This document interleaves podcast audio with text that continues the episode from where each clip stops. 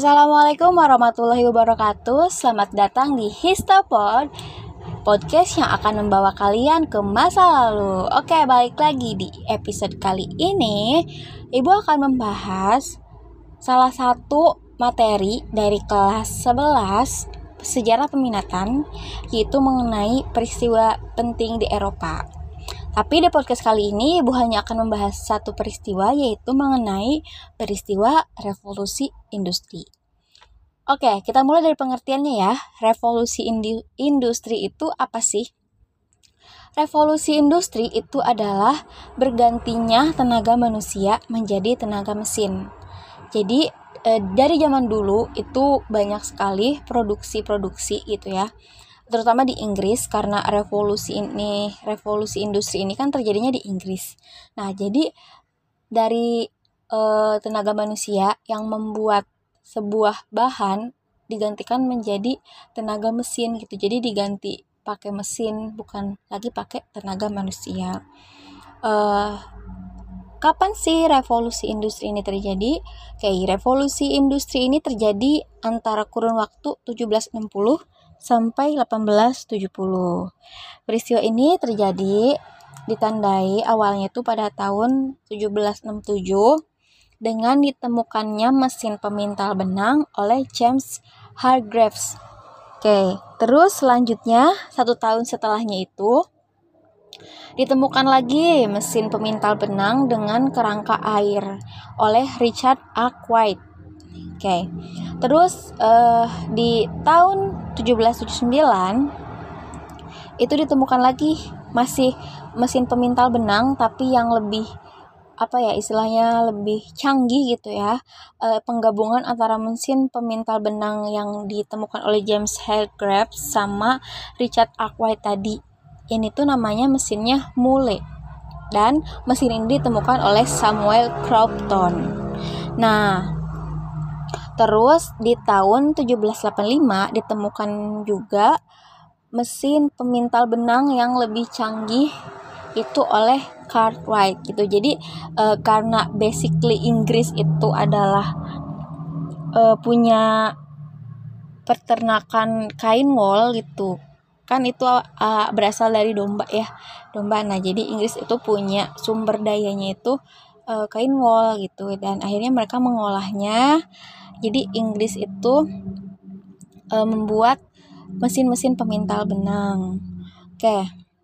Jadi kenapa sih e, revolusi industri ini terjadi di Inggris ya? Karena pada saat itu Inggris itu kaya akan barang tambang gitu. Jadi e, apa ya istilahnya Inggris itu adalah negara yang mempunyai sumber daya alam yang banyak gitu. Kayak timah terus ya kayak barang-barang batu bara seperti itu. Terus juga uh, wallnya itu yang penting karena wall itu um, membuat bahan pembuat kain yang laku di pasaran seperti itu. Terus selain Inggris yang mempunyai bahan baku untuk uh, pembuatan kain Inggris Inggris juga mempunyai posisi yang strategis karena letaknya itu ada di tepi perairan Laut Atlantik yang membuat perdagangan ke Inggris itu menjadi maju gitu. Ya, jadi gampang Inggris itu jual-jualnya gampang karena dilewati oleh laut gitu. Jadi eh, para pelayar dari negara dari benua mana, dari negara mana itu datang ke Inggris untuk membeli kain wol dari Inggris. Kayak selanjutnya di Inggris juga eh, ada modal yang kuat gitu. Jadi dulu tuh ada yang disebut Bank of England. Jadi di sana itu orang-orang boleh minjem uang buat modal usaha. Nah, terus orang-orang Inggris juga rutin dan rajin mengadakan penelitian tuh. Jadi orang Inggris itu orangnya pada mau maju. Jadi mereka itu rutin mengadakan penelitian, terus membuat satu ya mesin gitu kan.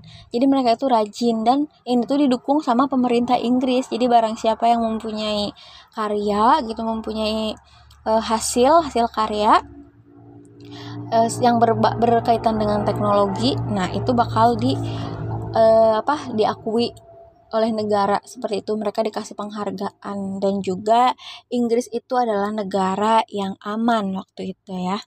Jadi aman tuh dalam artian ya nggak ada perang-perang nggak ada apa pemberontakan dan lain-lain gitu. Jadi Inggris itu negara yang aman. Jadi makanya itu banyak dari negara-negara lain yang datang ke Inggris mereka berinvestasi. Nah itu tuh alasan kenapa revolusi industri itu terjadi awalnya itu di negara Inggris. Tapi setelah tahun 1870 itu revolusi industri banyak juga terjadi di negara-negara Eropa lainnya di dataran Eropa.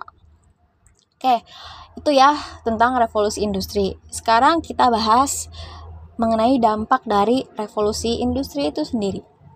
Oke, yang pertama dari dampak ekonominya, harga jadi lebih murah itu. Yang pertama, jadi harga e, kain wol itu lebih murah karena kain wol itu kan dikerjakannya sama mesin ya. Mesin kan nggak butuh banyak apa ya gaji gitu. Nggak kayak manusia gitu. Manusia kan harus digaji. Sedangkan kalau mesin kan e, cuman cukup diberi apa ya bahan bakar mungkin ya. Kalau mesin bahan bakar yang punya bahan bakar bakar terus e, upahnya juga jadi lebih murah karena nggak banyak orang yang kerja itu yang kerja itu kan mesin paling manusia ya cuma ngecek-ngecek aja kayak gitu. Nah, terus uh, pelayaran dan perdagangan juga lebih maju dan juga ada kapitalisme modern gitu. Kapitalisme modern, kapitalisme yang baru terjadi di Inggris mengikuti perkembangan zaman. Terus di bidang politik yaitu adanya imperialisme modern.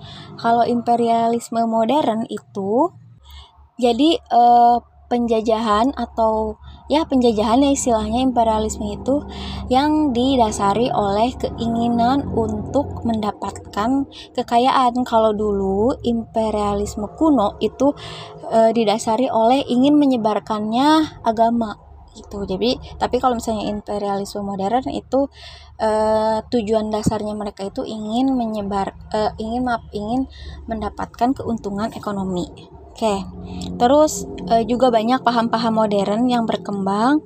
Terus juga jadi adanya undang-undang buruh. Undang-undang buruh itu contohnya Factory Act di tahun 1833 dan juga Purlau di tahun 1934. Terus di sistem sosial dampaknya mereka itu banyak lapisan masyarakat sosial baru ya karena kan ada yang pemegang modal, ada yang pemilik modal, terus juga ada yang jadi buruh gitu. Jadi e, jomplang ya, ada yang kaya, ada juga yang miskin yang jadi buruh. Terus karena adanya itu juga makanya banyak kerusuhan sosial karena buruh-buruh itu merasa tidak adil, tidak e, tidak dapat keadilan seperti itu. Terus uh, dampaknya apa bagi Indonesia? Nah, kalau bagi Indonesia itu dampaknya nggak ada ya secara langsung kalau dari Inggris, tapi terjadinya itu ketika adanya imperialisme ke Indonesia oleh Belanda. Nah, jadi Belanda itu uh, menginduk dari Inggris sebenarnya untuk menjajah Indonesia. Adanya kultur stelsel atau tanam paksa Nah, itu adalah salah satu dampak imperi, uh, apa revolusi industri bagi Indonesia. Terus yang paling jelas itu adanya Undang-Undang Agraria di tahun 1870. Jadi undang-undang itu adalah undang-undang yang uh, mengharuskan rakyat Indonesia itu bekerja di tanah Indonesia itu sendiri, tapi kekayaannya hasil kerja mereka itu diberikan oleh diberikan kepada Belanda dan Belanda itu menjual bahan mentah yang dari Indonesia itu ke pasar di Eropa ya bisa ke Inggris, bisa ke Prancis dan lain-lain gitu negara-negara Eropa pokoknya kayak gitu. Jadi secara tidak langsung memang bukan Inggris langsung yang e, melakukan revolusi industri di Indonesia tetapi Belanda juga waktu itu meniru dari Inggris dan Belanda lah yang melakukan revolusi industri di Indonesia. Oke, jadi itu sekilas mengenai revolusi industri. Kalau misalnya kalian kepo lebih dalam tentang revolusi industri, kalian bisa searching di Google karena uh, sekarang bisa lebih mudah ya karena kalian belajar di rumah. Uh, mohon maaf apabila ada kurangnya dari ibu. Sekian podcast kali ini. Selamat mendengarkan dan sampai jumpa di podcast selanjutnya.